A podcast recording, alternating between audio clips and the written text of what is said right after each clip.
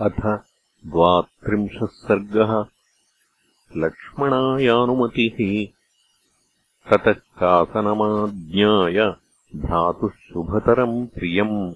गत्वा स प्रविवेशाशु सुयज्ञस्य निवेशनम्।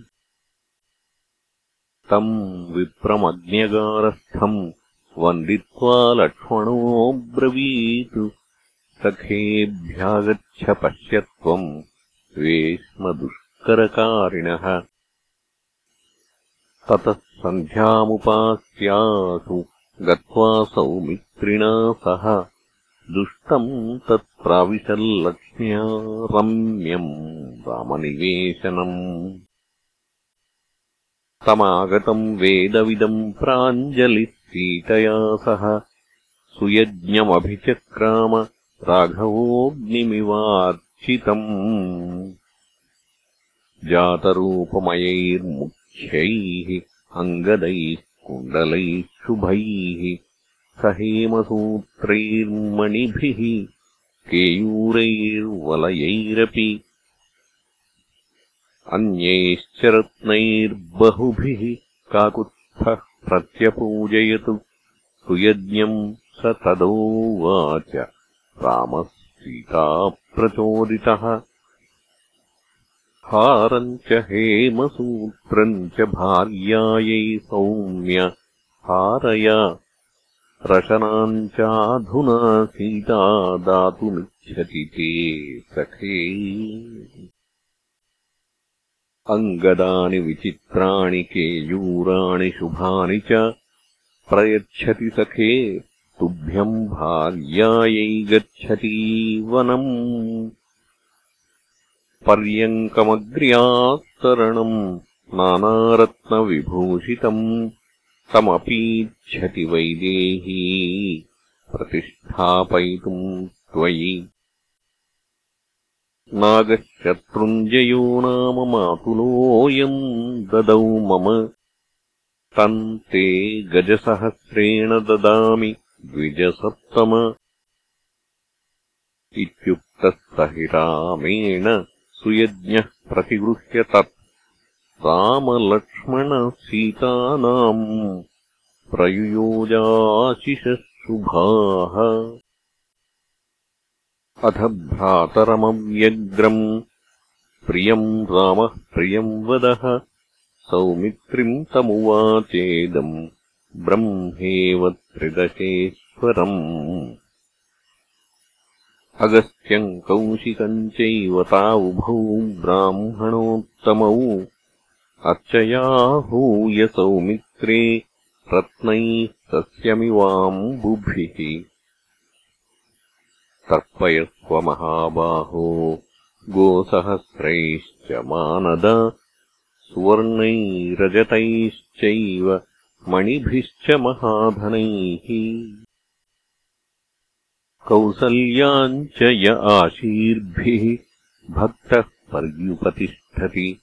आचार्यः तैत्तिरीयाणाम् अभिरूपश्च वेदवित्। तस्य यानम् च दासीश्च सौमित्रे सम्प्रदापय। कौशेयानि च वस्त्राणि यावत्तुष्यति सद्विजः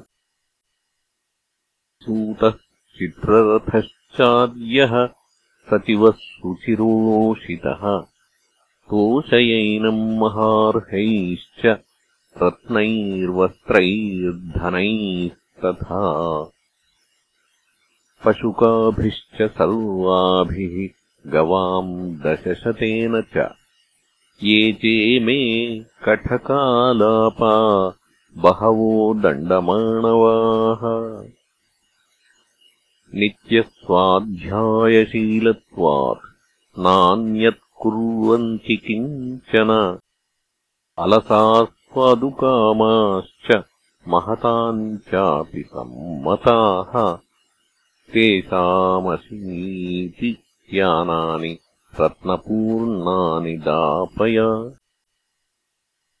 चादिवाहसहस्रम् च द्वेषते भद्रकांस्तथा व्यञ्जनार्थम् च सौमित्रे गोसहस्रमुपाकुरु।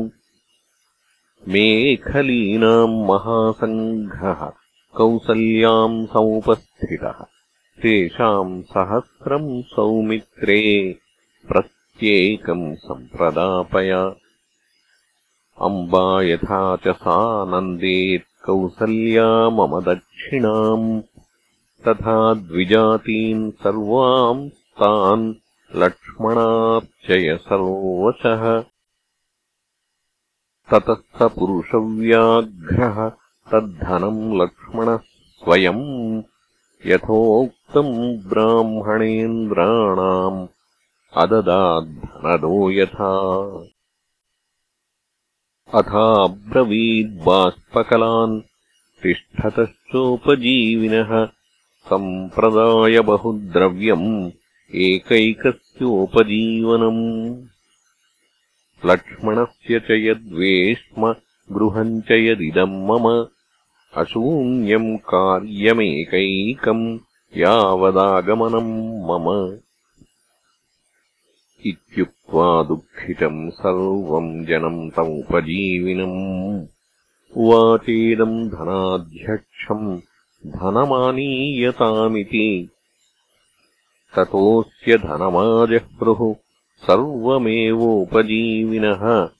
सराशिः सुमहांस्तत्र दर्शनीयो ह्यदृश्यत ततः स पुरुषव्याघ्रः तद्धनम् सह लक्ष्मणः। द्विजेभ्यो बालवृद्धेभ्यः कृपणेभ्यो ह्यदापयत् तत्रासीत् पिङ्गळो गार्ग्यः त्रिजटो नाम वै द्विजः उञ्छवृत्तिर्वने नित्यम् फालकुद्दाललाङ्गली तम् वृद्धम् तरुणी भार्या बालानादाय दारकान्। अब्रवीत् ब्राह्मणम् वाक्यम् दारिद्र्येणाभिपीडिता। अपास्यफालम् कुद्दालम् कुरुष्व वचनम् मम। रामम् दर्शय धर्मज्ञम् यदि किञ्चिदवाप्स्यसि भार्यावचनम् श्रुत्वा शाटीमाच्छाद्य दुःच्छदाम् स प्रातिष्ठतपन्थानम् यत्र रामनिवेशनम्। भृग्वङ्गिरसमम् दीप् त्रिजटम् जनसंसदि। आपञ्चमायाः कक्ष्याया नैनम् कश्चिदवारयत् स राजपुत्रमासाद्य त्रिजटो वाक्यमब्रवीत्। निर्धनो बहुपुत्रोऽस्मि राजपुत्रमहायशः उञ्छवृत्तिर्वने नित्यम् प्रत्यवेक्षस्व मामिति। तमुवाच ततो रामः परिहाससमन्वितम्। गवाम् सहस्रमप्येकम् न तु विश्राणितम् मया परिक्षिपसि दण्डेन यावत् तावदवाप्स्यसि। स शाटीम् त्वरितः कट्याम् सम्भ्रान्तः परिवेष्ट्यताम्। आविध्यदण्डम् चिक्षेप सर्वप्राणेन वेदितः स तीर्त्वा सरयूपारम् दण्डस्तस्य कराच्युतः गोव्रजे बहुसाहस्रे पपातोक्षणसन्निधौ तम् परिष्वज्य धर्मात्मा आतस्मात् सरयूतकात् आनयामासता गोपैः त्रिजटस्याश्रमम् प्रति। उवाच स ततो रामः तम् गार्ग्यमभिसान्त्वयन् मन्युर्न खलु कर्तव्यः परिहासो ह्ययम् मम। इदम् हि तेजस्तव यद्दुरत्ययम् तदेव जिज्ञासितुमिच्छता मया। इमम् भवानर्थमभिप्रचोदितो। वृणीष्व किञ्चेदपरम् व्यवस्यति ब्रवीमि सत्येन न तेऽस्ति यन्त्रणा। धनम् हि यद्यन्मम विप्रकारणात्। भवत्सु सम्यक् प्रतिपादनेन तत्। मयार्जितम् प्रीतियशस्करम् भवेत्। ततः स भार्यः त्रिजटो महामुनिः गवामनीकम् प्रतिगृह्य मोदितः यशोबलप्रीतिसुखोपबृंहिणीः तदाशिषः प्रत्यवदन्महात्मनः स चापि रामः प्रतिपूर्णमानसो महद्धनम् धर्मबलैरुपार्जितम्। नियोजयामास सुहृज्जने चिरातु। यथार्हसम्मानवचः प्रचोदितः द्विजः सुहृत् भृत्यजनोऽथवा तदा दरिद्रभिक्षाचरणश्च योऽभवत् न तत्र कश्चिन्न बभूव तर्पितो यथार्हसम्मानदानसम्भ्रमैः। इत्यार्षे श्रीमद्रामायणे वाल्मीकीये आदिकाव्ये अयोध्याकाण्डे द्वात्रिंशः सर्गः